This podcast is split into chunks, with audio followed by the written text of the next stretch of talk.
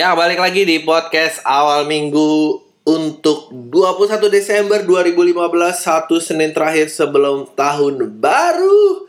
Eh, selamat Natal bagi yang merayakan. eh mestinya gue tuh berusaha ya menjadikan podcast ini sangat netral. Mestinya semua perayaan agama tuh nggak ada yang gue aja selamatin. Atau ya kita selamatin semuanya aja. Gitu. Eh, apa kabar semua dan dan apa ya lagi? Eh, semoga baik-baik saja. Bagaimana tahunnya? Gue sih surely excited untuk meninggalkan tahun 2015 ini. Gimana tahun lo? Apakah mencapai rencana yang diinginkan atau emang terbenam dalam pikiran kok hidup gini-gini aja ya? Sebenarnya apa sih arti hidup ini? Setiap tahun selalu diakhiri dengan kekecewaan. Tapi kan nanti awal tahun semangat lagi untuk akhir tahunnya kecewa lagi. Jadi it's okay lah, it's life. hmm, gue tadi lagi ada hari ya. Ada suara burung banyak banget nih. Bokap gue lagi hobi pelihara burung. Sama apa namanya Eh gue tadi pagi disambut berita yang sangat bahagia ya. Ya bahagia buat gue sih. Teman gue sih yang terima beritanya panik gitu. Ternyata, eh, ada yang nanya ke SFM temen gue Ed Shegario dia menanyakan bahwa katanya Adriano Kalbi tuh mati coba lu telepon dia deh. Gue kayak happy gitu karena ya ayam tuh. Eh gue happy karena ternyata gue mencapai titik ketenaran tertentu ya bahwa gue sudah dianggap pantas untuk digosipkan mati gitu seperti layak. Itu banyak loh artis-artis yang pernah digosipin mati Jackie Chan pernah digosipin mati eh, The Great Paul McCartney pernah digosipkan mati. Itu Hmm, dia itu eh, menyindir digosipin mati dengan apa? Ah, Han Han. Albumnya Beatles yang yang nyebrang e e Abbey Road apa? Yang nyebrang road. ya. Apa. Aduh, katanya dia anak penyiar, nggak tahu lagi. An, kamu tahu nggak albumnya Beatles yang nyebrang Abbey Road itu adalah Abbey Road.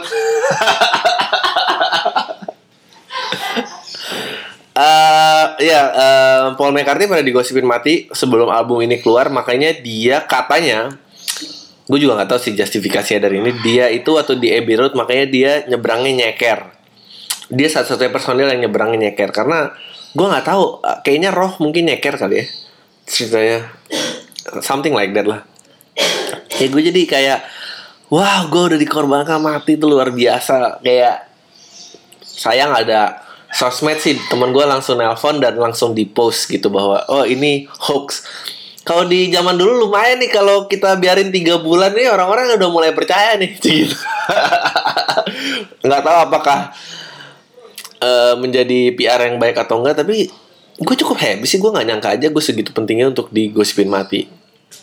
Um, dan kemarin ya eh men gimana men perdebatan cerita sumpah ini ayam pengen gue tembak suatu hari nanti Eh, apa gue tuh gimana kemarin perdebatan ribut-ribut antara eh, aplikasi transportasi berbasis online itu dilarang dan pemerintahnya eh, terus presiden memanggil dan langsung mencabut larangan. Ada apa ya banyak yang nanyain gue tentang itu teori gue apa tanggapan gue gue agak nggak tahu ya. Teori gue tuh kayak kayaknya ini pasti bentuk pengalihan buat gue gitu. Pasti ada isu yang lain. Karena eh apa meloloskan ketua KPK baru kan yang yang yang katanya eh, sempat terlibat kasus tapi katanya Ratu Atut menyatakan dia tidak bersalah. I don't know, I'm just rambling shit. Gue gue nggak tahu kebenarannya apa. Mungkin bener kali itu. Terus eh, yang menarik sih kalau gue ada berita ada orang-orang yang ingin mencari lonjakan saham karena jadi kompakan jadi pada saat di saham taksi-taksi Bluebird dan Express pada jatuh eh, sebelum dilarang itu banyak pembelian gitu lagi di bawah. Terus begitu naik melonjak banyak untung banyak sebelum dilarang drop lagi mereka udah out. Which is anjing menarik juga ya ini ada yang kayak gini gitu. Kalau ada bocoran-bocoran kayak gini gue mau ikut buat bikin duit gue tambah banyak. Maksud gue tapi sayangnya gue gak punya eh backingan sampai ke sana sih jadi gue nggak tahu juga deh harus gimana. Enggak gue tuh gue tuh bingung kayak anjing ribut banget gitu semua kayak emang gue kemarin sempet nge-tweet kayak kayaknya kalau lu pengen buat pengalihan itu gampang sebetulnya. Buat pengalihan tuh caranya adalah eh, cari yang netizen Indonesia suka gunakan gitu ya seperti apa wadah berekspresi lah, metode informasi, transportasinya atau apa segala macam. Nah, lu temuin itu nah terus lu larang aja habis itu pasti semua berkumpul untuk menuntut keadilan. Maksudnya sekarang kan kayak ribut tidaknya sebuah dunia itu dinilai dari dunia maya kan ya. Sebetulnya dunia nyata tuh ya biasa-biasa aja gitu. Semua orang juga pada masih kayaknya masih pada make. Masih bisa cari order juga gitu. Iya, I, I, I really don't know gitu. Maksud gue dan gue juga kayak sempet nge-tweet kayak ya emang kalau lu buat duit banyak di sini nggak bagi-bagi emang gitu sih. Maksud gua masa lu belum paham juga sih? Maksud gua, gua bukan belain pemerintah tapi kayak emang gitu gak sih dari dulu gitu sampai sekarang gitu ya? Emang ya udah itu gitu gitu. Menurut gua hmm, menurut gue ya Alexis tuh harusnya Alexis tuh harusnya bikin seminar sih. Bikin seminar kepada wirausahawan wirausahawan eh, yang lain gitu ya di mana kalau lu melakukan menerima duit banyak dan bentuknya mungkin sedikit ilegal tapi nggak ada yang ganggu tuh gimana caranya? Itu dong mestinya ya nggak? itu mestinya dikeluarin bukunya. Mesti ada yang ngikutin. Kalau nggak capek men gitu. Lu ngarepin perubahan aduh. Berharap. Iya gue juga maunya gitu berharap perubahan. Sama sama kayak lu berharap tahun 2015 ini menjadi tahun yang beda. Tapi kenyataannya apa? Sama aja sama aja. Lu masa nggak bisa mempelajari eh, pemerintah lo dari dari berjalannya tahun lo sendiri sih sama aja. Gue kita end up selalu dengan disappointment yang sama. Awal pasti bagus akhirnya gitu juga. Udah lah gitu kita tinggal cari kedamaian masing-masing aja. Kenapa sih pada ribut aduh. Menurut lu menurut lu mana yang lebih ribet ya kalau uh, aplikasi ojek online dilarang sama Star Wars dilarang tuh ribut mana? Gua rasa soalnya menurut gua demografik netizen di Indonesia tuh sama gitu yang yang yang nonton Star Wars tuh yang yang naik ojek online gitu. Nggak ada bedanya gitu. Gue you know, you know what kills me adalah what kills me adalah kalau ada orang yang berdebat nyalahin eh, nyalahin pemerintah gitu. Nggak bisa sejak aplikasi ini diluncurkan kan aktif berarti eh, demand demand itu ada gitu tuntutan itu ada gitu. Berarti tinggal gimana meregulasinya kalau tuntutan ada itu harus dilayani. Well kak, kak, judi juga ada demandnya maksud gue gimana nih mau bagaimana nih gitu? Prostitusi itu ada demandnya judi ada demandnya kalau lu basisnya demand rusak nih akhlak manusia lu nggak agama itu kan diturunin biar manusia tuh sadar nggak semua permintaannya mereka tuh harus dituruti gitu. Ini harus ada gitu. Gue yang nggak religius religius amat juga ngerti gitu. Nah narkotik tuh ada di mana sabu ada di mana ini tinggal mau sampai mana? Apakah kita sudah mencapai kedewasaan itu untuk semua orang? Kayak oh ya bawa pakai ini tuh nggak apa-apa nggak apa-apa gitu meskipun gue di sisi lain eh ya percaya bahwa obat-obatan dan prostitusi itu adalah personal right. Cik gitu. Ah, tapi ntar itu di sisi nggak tau lah kapan kapan gue sanggup membahas itu dan kapan semua ini sanggup menerima opini-opini gila gue gitu sebelum Ah, sebelum podcast ini dihentikan. Ya, hari dan hari ini ada yang banyak yang soto juga selain gue video eh gue nggak tahu ya gue dapat banyak gosip. Kayak eh gue digosipkan mati eh, hari ini dan gue digosipkan hari ini eh, apa hari Senin nggak akan ada podcast awal minggu gitu. Kata siapa? So tau banget orang-orang. Mungkin mungkin itu kali ya. Karena karena gue gayanya kayak gini semua tuh lo berasa kenal sama gue jadi so asik so asik. Ini enggak lah gue tuh tetep nggak suka sama orang kebanyakan. Gitu ngapain sih? Gue gue tau gak kemarin eh, gue diundang jadi pembicara tentang eh, oleh eh, apa oleh marketeers gitu kan. Gue kan podcast awal minggu juga disiarin ulang kan hari Jumat di podcast awal minggu namanya podcast awal minggu di akhir minggu tiap hari Jumat jam 6 sore. Em, ya buat lo Ci gitu. I- transisi iklannya halus gak Ci? Buat lo yang buat lo yang pengen capek kalau dengerin sejam 15 menit bisa break segala macam lo bisa subscribe di @marketeers radio Eh, soundcloudnya eh, ada deh. Di situ lo bisa dapat podcast awal minggu yang udah diedit gitu 15 menit break lagu 15 menit break lagu. 15 menit lagi jadi nggak kayak nggak kayak sekarang. Kalau gue kan sejam minimal edit ya nggak ngerocos aja terus gimana caranya gimana. Pokoknya eh, kalau lu buat yang malas nunggu dan itu ya lu ke sana aja gitu. Nah ini nih kembali pembahasan tadi.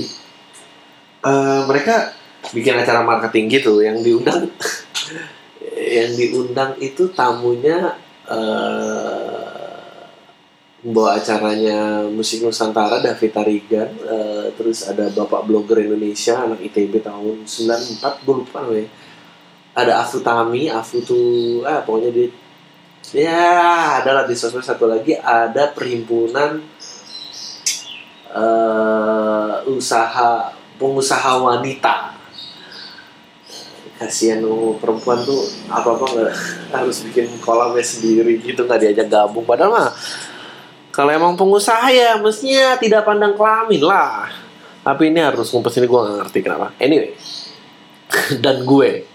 Dan gue dan terus semua suruh eh, ngasih topik berdasarkan eh, background masing-masing. Gimana caranya eh, memberikan eh gimana caranya how to market yourself. Gue gue pengen ba- bagi dikit apa yang gue presentasi gitu. Karena ya nggak banyak yang datang ya.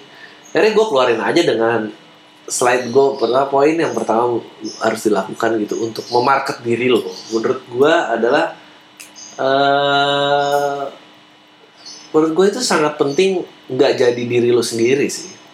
Iya sih karena menurut gue di Indonesia tuh belum pernah ada yang berhasil jadi dirinya sendiri. Siapa siapa? Dan itu menurut gue bener dari dunia politik sampai sampai dunia hiburan lah gitu. Maksud gue siapa coba tunjuk ke, gue orang Indonesia yang berhasil jadi dirinya sendiri? Nggak ada nggak ada. Yakin gue itu tuh semua karakter dunia politik yang udah sering lihat di TV yang doyan yang ngomel-ngomel atau nenggelamin kapal karak nggak. Gue nggak percaya ada orang yang emang kecil tubuh gue gede pengen nenggelamin kapal. Nggak ada itu pasti bukan jati dirinya dia. Bukan itu tuh semua tuh buatan deh nggak ada yang jadi dirinya dia. Siapa ya coba menurut gue Syahrini pun pasti bertanya-tanya gitu sama dirinya dia. Gue tuh ngapain goler-goler di rumput gitu? Ngapain gitu? Ngapain gue apa yang gue lakuin? Tapi kenyataannya that's what broke di internet gitu. Lu nggak ada tuh yang mau mencoba mencari tahu gitu sebetulnya dirinya mikir apa atau pada saat dia di- ditinggal dan eh, nggak ada nggak ada orang emang emang kita tuh nggak tertarik sama sama diri seseorang gitu. Kayak siapa lagi? Cesar Cesar goyang Cesar gitu. Ya Cesar oh terkenal. Sensation overnight joget-joget segalanya. Habis itu ah orangnya ngerasa dunia hiburan nih fana nih saya mau pulang ke agama saya aja gini gini gini, gini. habis itu dia masih terkenal nggak ada lu nggak ada yang peduli semua. Lu senangnya lihat orang joget pakai kostum Romawi aja lu nggak ngerti kayak anjing gue tuh ngapain sih joget joget orang nggak pernah lihat orang joget apa gimana sih ceritanya harus joget di TV semua ditafokin gini? Nggak ada kan gue nggak pernah mau tahu isi pemikirannya itu gitu. Menurut gue anjing menurut gue sih lucu banget sih. Masih juga anjing Mas saya hari ini perannya ngapain? Enggak Cesar kamu naik panggung itu ntar joget lagi. Ya Allah Kemarin juga bukan udah joget. Enggak emang kamu tuh emang joget mulu aja. Anjing kasihan banget. Abis itu gak ada yang peduli. Gak ada yang peduli lo semua. Lo emang demennya gitu. Sampah. Tapi bakar lo jadi diri sendiri. Ya lu lihat aja gue terkenal apa kagak. Nggak terkenal. Ya mungkin gue udah pernah digosipin mati tapi itu nggak penting lah. Gue tweet berbayar aja kagak pernah tuh. Itulah titik ketenaran gue sebetulnya kayak Marshanda gitu. Marshanda kita semua suka dia sinetron naik. Oh jilbaban punya anak wah semua ini ini ini, ini oh happy dengan image nya Marshanda bla bla bla segala macam memuja. Tapi begitu Marshanda memutuskan untuk buka jilbab nampilin dirinya siapa dengan teriak-teriak dan marah-marah di YouTube emang lu suka sama dia? Kagak. Padahal apa? Padahal Marshanda cuma jadi dirinya sendiri. Emang emang. Menurut lu berapa kali Cesar di atas panggung mikir kayak astaga tahan lah tahan lah. Emang kalau cari uang tuh ya begini. Hati dan kepala nggak di sini tapi ya ya udahlah gimana? Sian ya? Sian kan sian. Itu gua rasa eh, Cesar sama yang kerja di Alexis pasti punya banyak kesamaan.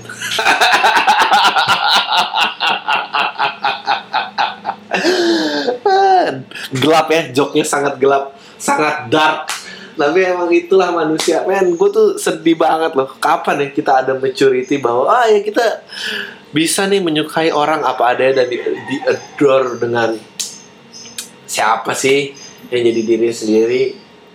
Ah eh, siapa? Dibanding dibanding sama eh, sama yang pura-pura jomblo terus meskipun udah tua lebih laku mana? Lebih laku dia pasti ya abis itu selain ya, gue prestasi itu gue bilang penting untuk nggak jadi diri lo sendiri karena emang nggak ada yang peduli sama diri lo gitu. Seberhasil berhasilnya ya lo nggak akan lebih berhasil daripada yang goler-goler rumput. Sa uh, terus habis itu yang gue gue presentasiin lagi kayak semua orang bilang youth youth. Oh ya ini youth Indonesia bla bla bla segala macam. Youth itu berapa gitu. Youth itu ternyata umurnya 16 sampai 35 men lu nggak bisa men naruh grup 16 sampai 35 dalam satu dalam satu regu gitu. 16 menurut gue ya 16 sampai 21 paling mentok 23 deh. Nah itu oke okay lah satu grup. Karena mungkin masih kuliah SMA apa pokoknya itu. Terus itu tuh Iya, iya. Abis itu ada, menurut gua early adult sih gitu. Dua, tiga sampai tiga lima tuh bisa tuh gitu. Karena orang-orang, iya lu face it lah, itu lu tiga puluhan insightnya beda gitu. Kalau 16 mungkin jomblo, kalau mau 30 ditinggal kawin gitu. Maksudnya lu gak bisa itu dua orang penderitaannya beda lu taruh di satu meja dia gak akan bisa ngobrol gitu. Dia akan kayak ya susah banget nih cari cewek, tai lu gue baru tinggal kawin gitu. Dia bisa berantem lagi nggak bisa ngomongin.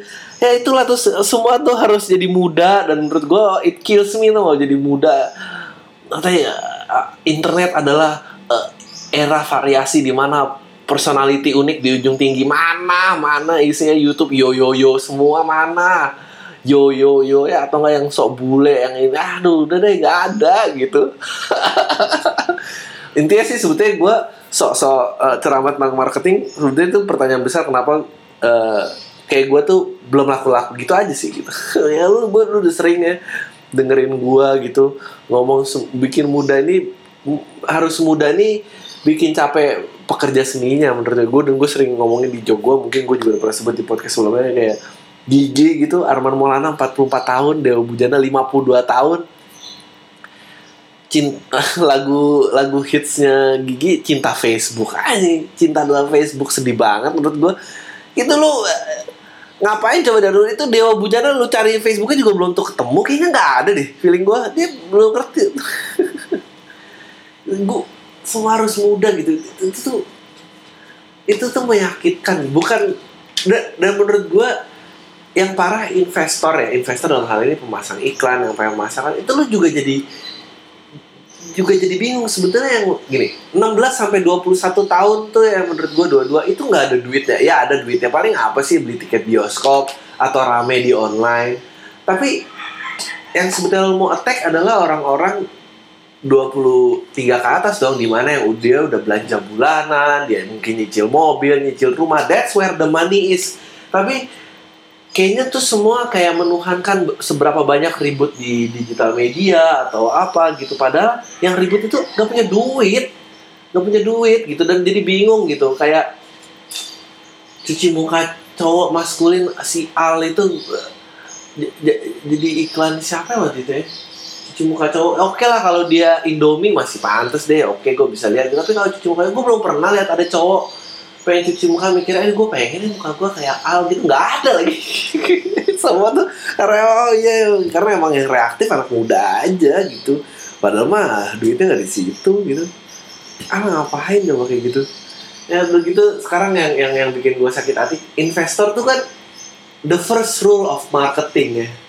Menurut gue of course ini menurut gue eh, dan nggak ada nggak ada buktinya tapi gue yakin nggak salah first rule of marketing tuh sebetulnya bukan tentang seberapa bagus produk yang ini ngomongin marketing ya.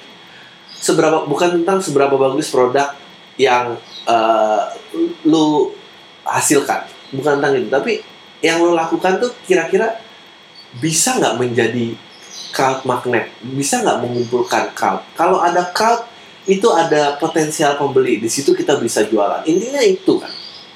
Dan selalu muda ini karena oh yang reaktif itu yang di mobil juga itu padahal belum tentu mereka yang lo incer gitu. Itu dia kenapa yang bikin gua bakal patah hati AADC keluar AADC 2 keluar. Gue tahu gua pasti bakal ditai-tain banyak orang. Tapi menurut gua ng- ngapain sih bikin AADC 2 gue tahu kan teman-teman gue juga yang terlibat yang bikin puisinya Rangga di kereta itu juga masih eh, teman gue Irfan Ramli dia yang bikin filosofi kopi. Cuma ngapain gitu Dian Sastro tuh ibu-ibu gitu maksudnya nggak baru dia nggak baru lulus SMA kemarin enggak gitu. Karena kenapa kenapa itu jadi masuk akal untuk dipik, dibikin? Karena dia prediksinya pasti gini? Challenge paling sulit adalah ngumpulin crowd baru. Itu selalu challenge paling sulit. Makanya ya udah kita pakai franchise yang udah ada aja yang pasti akan menarik crowd lama. Yang kayaknya juga masih ngomongin kira-kira dari 100% kemarin yang mungkin 30-40% masih balik lah. Paling nggak kalau mereka balik kita balik modal bla bla bla. Tapi kalau buat gue sih apa gunanya sih 30-40% yang bakal kecewa? Apa gunanya gitu? Kalau gue sih pasti akan kecewa. Menurut gue udah DC itu kisah gue waktu SMA ngomongnya kayak gitu. Ya udah gitu. Judulnya juga dibikin ada apa dengan cinta bikin dua meaning cinta yang sesungguhnya sama karakter yang namanya cinta kayak gitu. Dan gimana ya cara bikin contoh kayak eh, dua meaning kayak gitu? Ya kasih aja karakternya nama yang punya meaning lain gampang. Abis abis itu ya udah gitu dibuat aduh. Dan ini tuh kalau lo ngomongin marketing ya emang ini udah udah jauh dari berkesenian sih gitu. Menurut gua membuat ADC 2 tuh bisa buat dan gua nggak bilang mereka jelek menurut gua mereka salah satu eh, pencipta kreatif terbaik negeri ini. Dan gue yakin mereka masih mampu membuat eh, apa kreasi kreasi kre- kreativitas yang sangat tinggi. Tapi permasalahannya adalah si sanggupkah karya yang baru gitu yang belum ketes ombaknya orang dipaksa orang berinvestasi mampu nggak karya baru itu mengumpulkan crowd? Itu kan pertanyaannya. Jadi ya kayak ya anjir balik lagi masalah itu. Aduh males nih gue gue sedih loh gitu. Ah jadi ya ya intinya gitu gue ngomong kayak gitu di di gathering marketing kemarin gimana seru lah.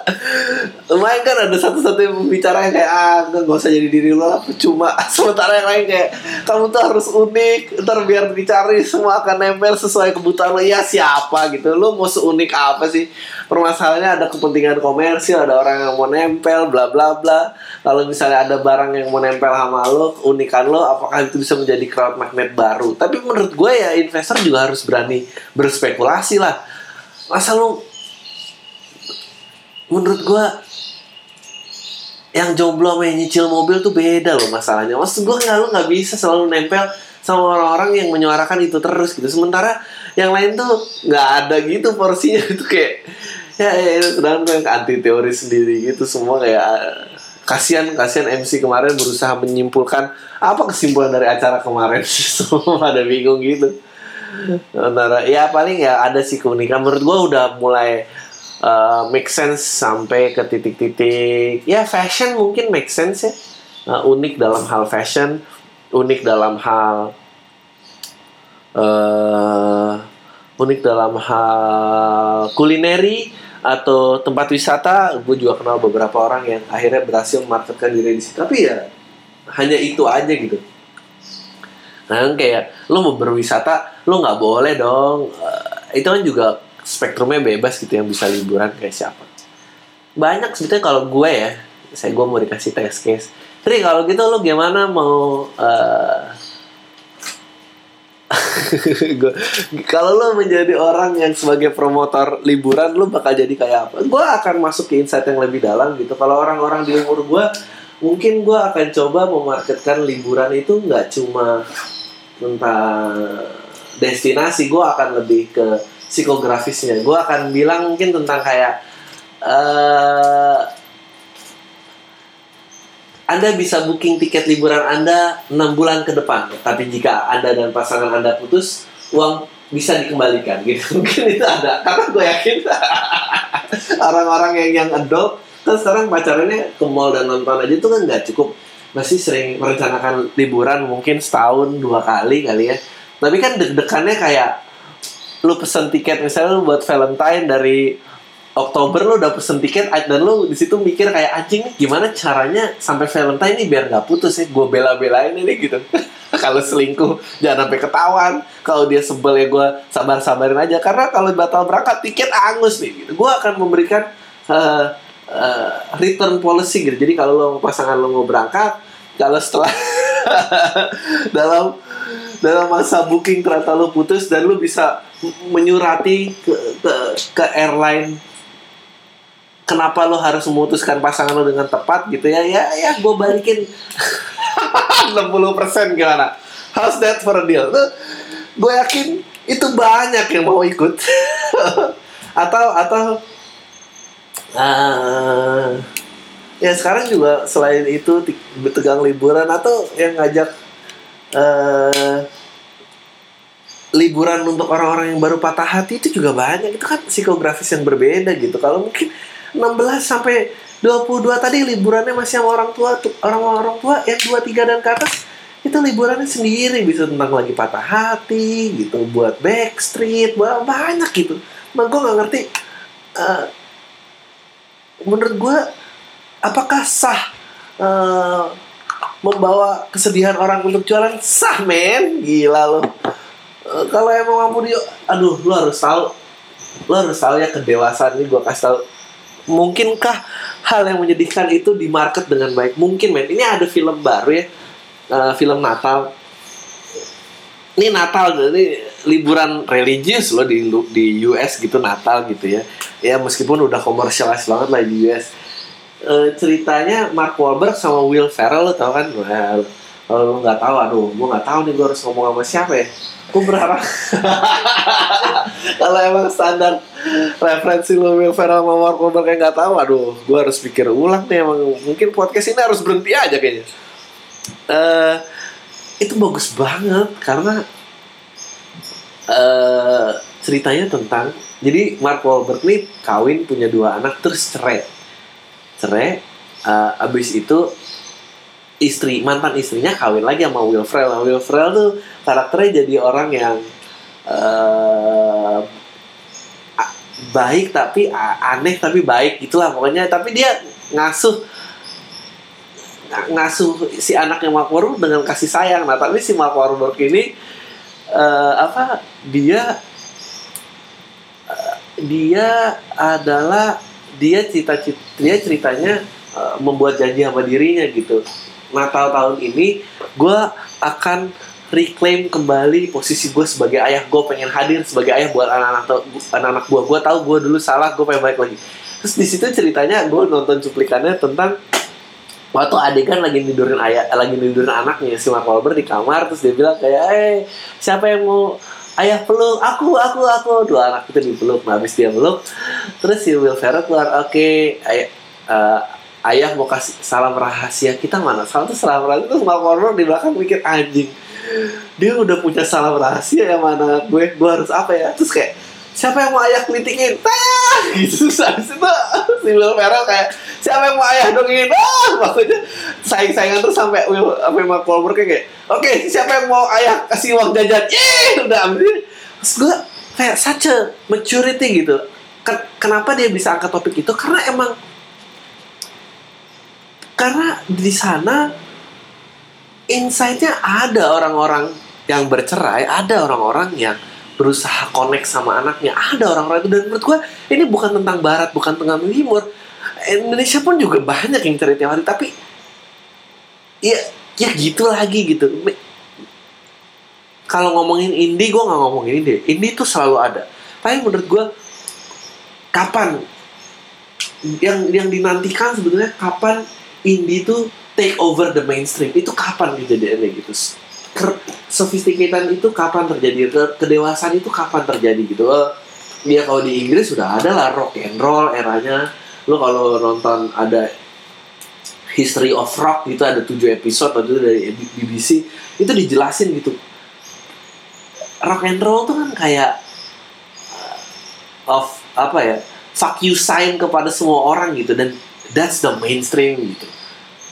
Bahwa mainstream tuh bukan lagi ya kayak kemarin gue bilang TVRI gitu. Kayak ya eh, apa eh, nggak marah-marah cium tangan orang tua dan nggak pakai narkoba gitu. Maksud kita kan udah di situ aja gitu. The definition of good di Indonesia ya kalau dari pop Krisya dulu ini ini ya kalau sophisticated dikit jazz lah tapi lo nggak mungkin yang rebel gitu jadi ini gitu. Ya dulu pernah sih 90 sekarang tuh nggak ada gitu. Gue nggak percaya. Gue percaya it- bahwa itulah eh, eh, realita di realita di lapangan gitu bahwa nggak aspiratif tuh nggak selalu dalam jalur benar gitu. Gue udah gila nih mau ngomong kayak gini.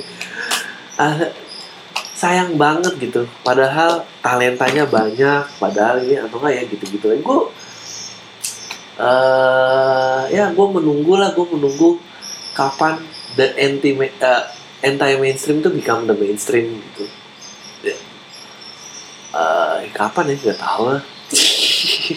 Ya mungkin ntar mungkin sebelum gue mati lah semoga lah. Ya jadi itu semua yang gue sampaikan di eh, event marketing kemarin gue thank you banget buat marketers bahwa gue percaya mereka emang jiwanya tuh marketing gitu. Bahwa gue boleh diundang dan ngomong kayak tadi gitu. Bahwa emang ya keterpuraan harus dihapuskan lah. Kalau kan ya kalau emang mau jualan gitu ya ya jualah dengan baik. Gue mau kok kalau emang beli barang. Gue bukannya anti kapitalis atau apa gue pengen kalau mencari eh, membeli barang yang seolah-olah mewakili eh, psikografis gue gitu demografis terlebih lagi psikografis gue kalau ada emang eh, barang-barang yang membela perasaan gue ya gue ayo tapi gue menolak gitu. Kalau gue harus eh, beli barang yang diasosiasikan dengan si yoyoyo atau si jomblo tadi gue nggak mau gitu. Gue gue lain gitu. Kenapa itu nggak pernah ada hiburan buat gue gitu?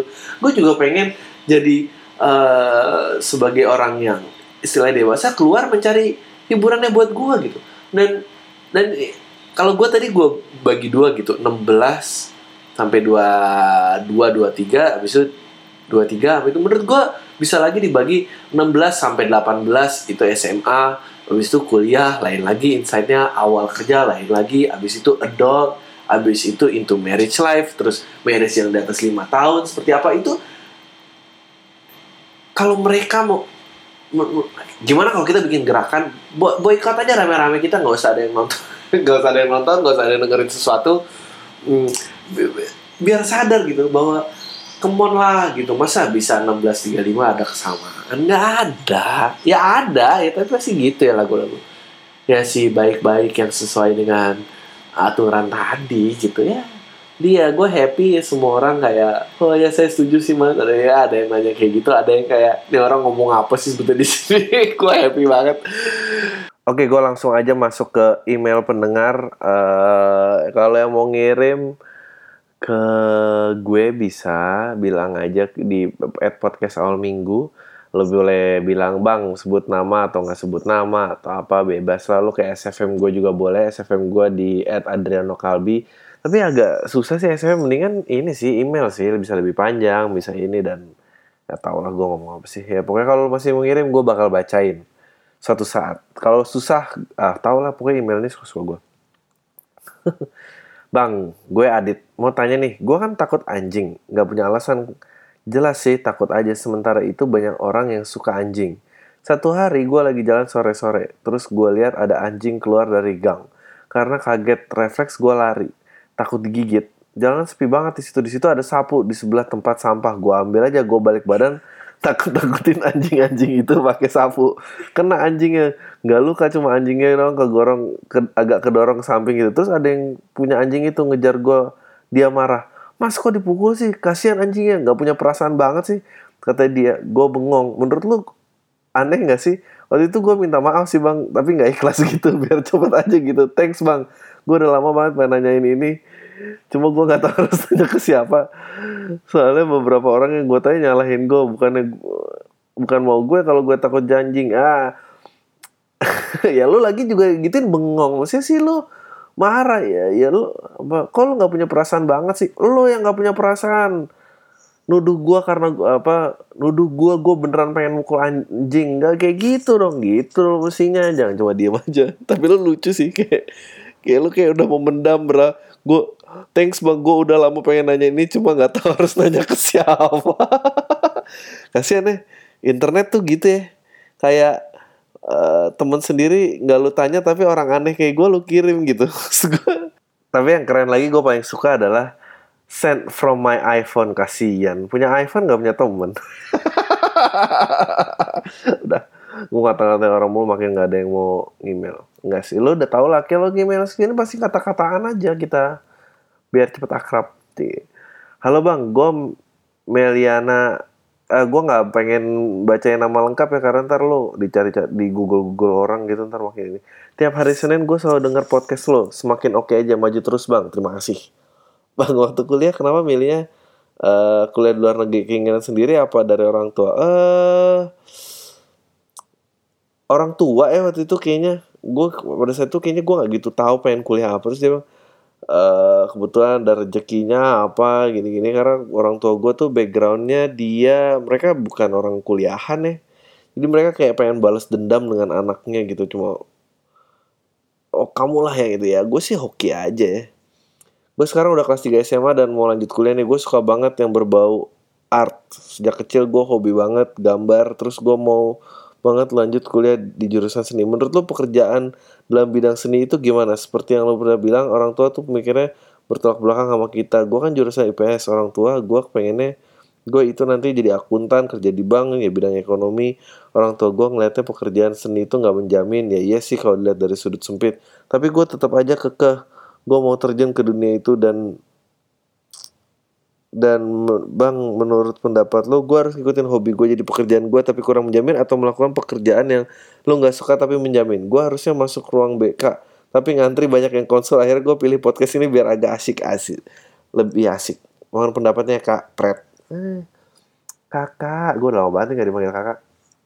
Uh, menurut gue ya kalau gue setelah tua ya setelah gue sadarin uh, uh, belajar sama hobi tuh nggak ada hubungannya sih sebetulnya.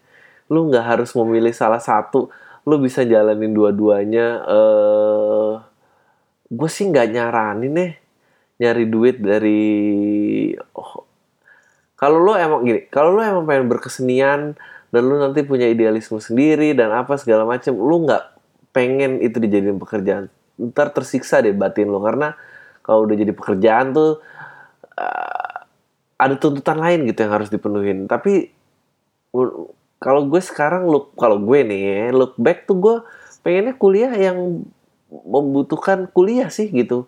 Misalnya lo kerja hukum akuntan ya, teknik informatika kedokteran arsitek sisanya sih kayaknya learning by doing ya mendingan magang coba ini coba itu. Kalau gue sih ngerasa gitu.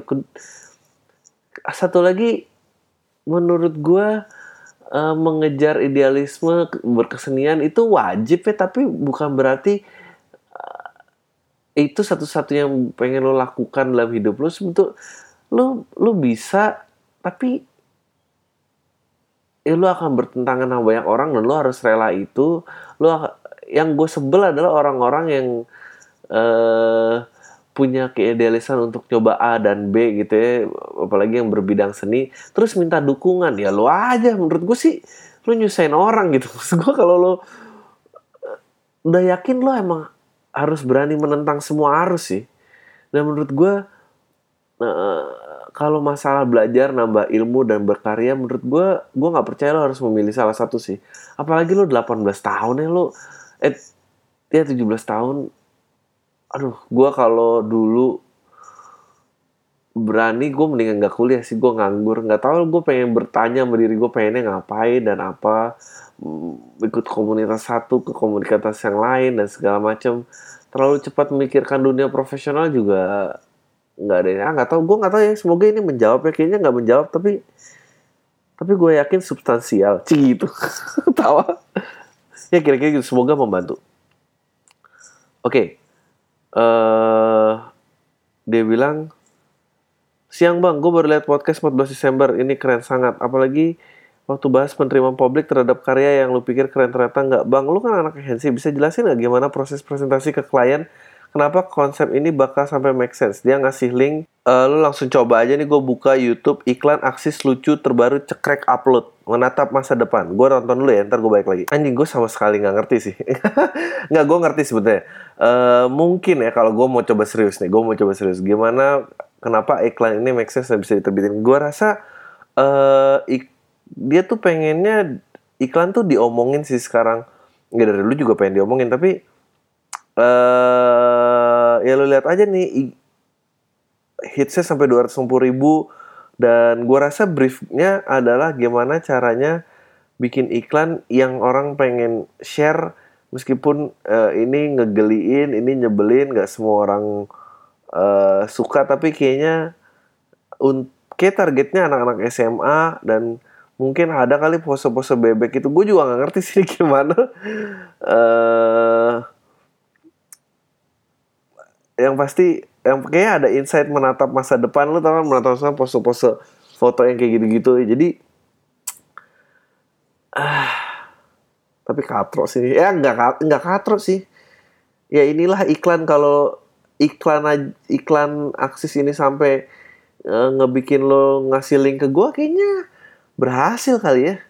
Kalau tentang iklan tuh menurut gua bukan tentang bukan tentang bagus jeleknya atau apa. Menurut gue paling penting dari iklan adalah lo inget dan itu nyantol aja dan itu bisa dengan cara macam-macam. Bisa dulu inget gak sih kayak eh, ada iklan balsem gitu ada orang dijegal jebret terus prit! Apa nyeri sendi pijet aja pakai ini gitu. Terus kayak prit! Terus kejegal prit! Pakai aja ini. Terus pas ketiga kalinya lima five seconder gitu ketiga dijegal prit. Terus tukang pijatnya marah-marah anjir lo prit prit prit mulu.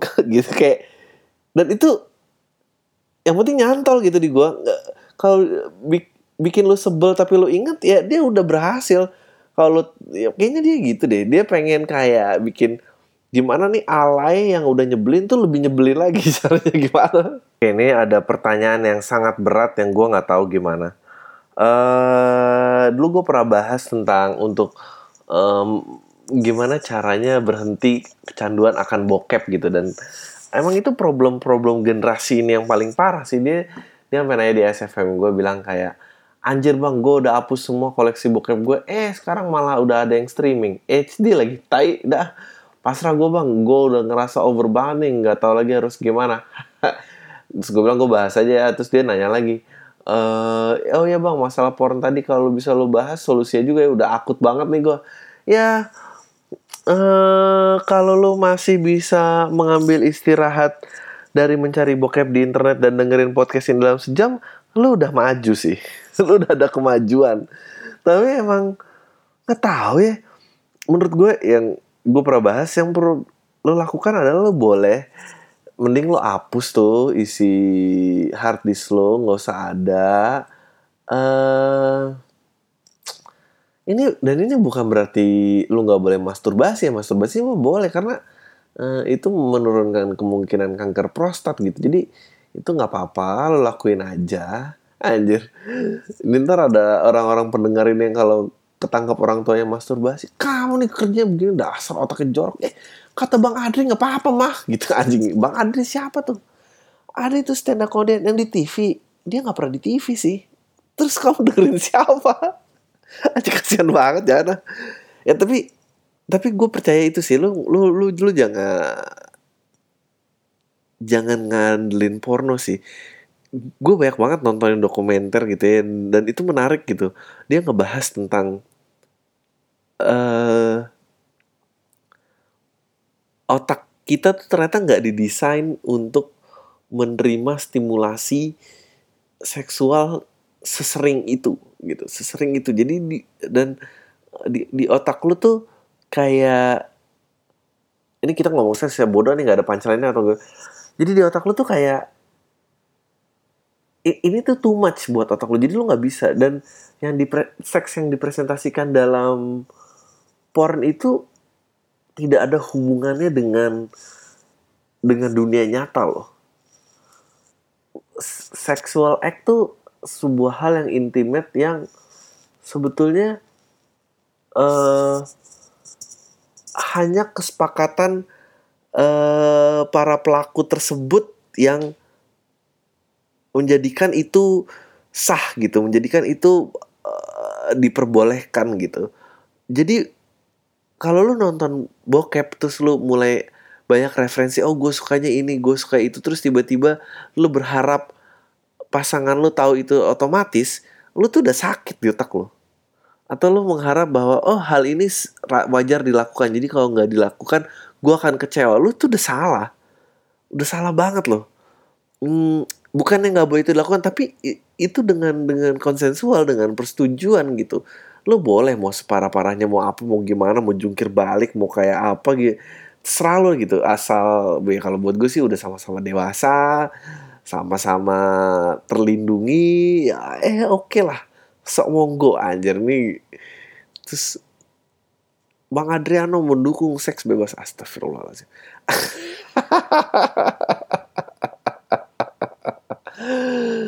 Ya jadi gitu ya.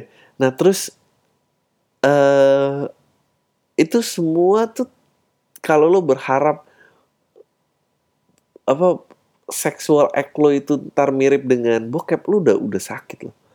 Nah terus waktu itu ada badan research yang berusaha mensurvei orang-orang bagaimana perilaku orang yang di atas 18 tahun tumbuh tidak menonton porno gitu. Dan ternyata sampel itu nggak ada kasihan jadi research itu nggak bisa dilanjut. Jadi semua orang nonton bokep. Ya inilah bagi kalian-kalian ini pencinta internet dan teknologi ini ya ya ini ujung-ujungnya bokep. Gua banyak men sedih men itu. Apalagi kalau coba lu perhatiin kalau lu lagi nonton bokep gitu ya. Nih gue kasih tau lagi nih biar lu enak akan bokep. Lu perhatiin uh, binar mata pelakunya deh. Ini gue iseng banget kan, tapi tapi coba lu perhatiin. Uh, karena sebetulnya dalam hubungan seksual yang sesungguhnya yang lu tuh yang lu butuhkan adalah kontak badan gitu lu berpegangan tangan dan lu apa bokep tuh nggak ada yang pegangan tangan nggak ada terus yang lu perlu perhatiin lagi adalah kalau lu pengen tahu ini tuh bukan hubungan manusia normal adalah lu lihat lu lihat binar mata pemainnya deh. Itu sama pandangan matanya tuh kayak nggak rela gitu loh. Kayak nggak rela kayak anjing nih gue ngapain sih di sini? Kayak gitu. Nggak ada bedanya binar mata pemain bokep tadi sama Cesar lagi nyari di Yuk Kita Smile itu nggak ada bedanya men. Asli. Kalau lu pengen lihat ya kenapa TV itu sampah aja gitu. Sampah sama kayak bokep menurut gue lu lihat apakah pijaran mata pelakunya tuh bangga akan dia yang lakukan di TV. Gue nggak percaya loh. Itu, itu yang bikin gue kadang-kadang sebel juga ya sama TV ini. Gue ngelanjutin lagi balik lagi. Jadi oke okay, untuk ngejelasin untuk menutup pertanyaan lu dulu. Lu masturbasi nggak apa-apa, tapi coba gunakan tanpa porno. Kalau lu pengen berhenti porno, coba lu sebelum lu apa di setir hawa nafsu cik gitu di setir hawa nafsu. Coba lo uh, tonton tonton bokep itu lihat binar mata orangnya. Lu lihat betapa orang itu nggak rela dan nggak pengen ada di situ sebetulnya. Sebetulnya ini sedih tapi emang gitu. Udah udah udah clear ya udah clear ya. Nah sekarang nih kita ngomongin tentang uh, TV lagi balik lagi. Sama tuh TV juga kayak gitu gitu. Uh, gue yakin yang yang tingkah-tingkah makanya orang-orang banyak yang pakai kacamata itu yang menurut lu ya dulu siapa tuh vokalisnya siapa atau enggak si si princessnya juga sering pakai kacamata. Karena dia akan ketahuan matanya bohong. Itulah yang yang bikin gue menurut gue lo tau gak TV itu sampah bukan cuma bentuk TV-nya sampah orang-orang yang berpartisipasinya sih gitu. Nggak ada kebanggaan juga gitu. Gue nggak percaya tuh Niji kalau abis main inbox pagi dia bilang sama tetangganya atau teman karir eh lo nonton band gue dong di TV gitu. Emang ada? Nggak ada men karena apa? Karena semua semua malu lagi. Semua tuh juga udah nggak ada yang pengen dengan TV sekarang. Nggak ada kok yang cerita. Gue tuh dan gue gue dari tadi dibombardir pertanyaan nih. Kayak bang Uh, lu tuh sering norakin uh, panggilan TV apa? Gini-gini. Gue nggak nolakin sesering itu juga. Ada beberapa yang manggil tapi gue nolak gitu. Lu karena anak tajir nggak pengen doang tambahan atau emang lu menjunjung idealis aja? Terus gue jawab aja gue bilang emang kalau tajir nggak boleh idealis? Maksud gue kenapa sih lo orang tuh emang kalau kalau idealis suka gitu suka suka cari-cari alasan. Ya dia kan lebih tajir terang aja dia bisa kayak gitu. Ya menurut gue adepin aja kalau lu nggak punya idealisme udah gitu aja sih. Gue uh, gue nggak sanggup sih. Kayak gue gue tuh simple sebetulnya. Gue nggak serakah aja karena ngerasa ya kalau ini juga filosofi hidup ya gitu. Kalau lu nggak butuh-butuh amat di situ kenapa lo ambil sih gitu? Itu kan namanya lu serakah kecuali lu emang pengen banget ada di situ ya lo ambil kalau nggak kasihan banyak orang-orang yang pengen banget ada di situ. Sedangkan kalau lu cuma setengah hati ya lu keluar aja mendingan. Yang pengen banget di situ ya ambil. Dan kalau lu udah ngambil di situ jangan pernah lagi nyalahin keadaan lo jangan pernah ya gue kan karena itu jadi gue harus ngambil. Enggak lu bilang ya lu juga ambil tanggung jawab dong take ownership dalam diri lu bahwa ya ya itu emang jalan gue dan gue ambil di situ. Gue juga pengen kayak gitu. Semua yang gue lakukan gue pengennya dengan kebanggaan gitu. Gue nggak peduli skala gede atau kecil tapi kalau gue ngelakuin sesuatu paling enggak gue bisa cerita sama istri gue paling enggak kayak dan dan dia kayak oh ya aku seneng liatnya gitu. Kalau dia kalau gue bisa bangga di depan orang terdekatku itu gue tahu ngelakuin hal yang benar. Nah menurut gue menurut lo semua orang-orang di TV berapa banyak yang pacarnya seneng emang dia begitu? Nggak ada lagi menurut gue gue gak percaya loh pacarnya ih lo ngapain sih kayak gitu? Dan malu lagi. Ya nggak? Masa lo ngomong ya ini kan demi ini. Emang kamu makan dari mana? Bla bla bla ini, ini. ah tahay lah gitu udah gitu. Gue malas gue udah malas kalau perdebatannya tentang perut gue malas sekarang menurut gue kalau perdebatan tentang perut maling aja itu halal. Menurut gue apa bedanya maling ayam sama tampil kayak gitu di TV nggak ada bedanya. Demi demi perut kan ya udah berarti lu jangan hina maling ayam. Udah gitu menurut gue harus fair. Kalau lu mau tampil TV di situ lu jangan ngerasa lu jangan ngerasa orang lu jadi lebih baik daripada yang maling ayam karena kalau lu bilang alasannya perut dia juga alasannya perut men. Oh, udah makin sih makin gelap udah harus gue tutup aja. Uh, sekali lagi uh, apa hari Kamis kita libur apa sih? Maulid Nabi uh, dan selamat Natal juga. Uh, I hope you guys are safe. Uh, balik bercengkrama dengan keluarga dan segala macam. I'll see you guys next week next week sebelum tahun baru. Dah Taylor semua Deu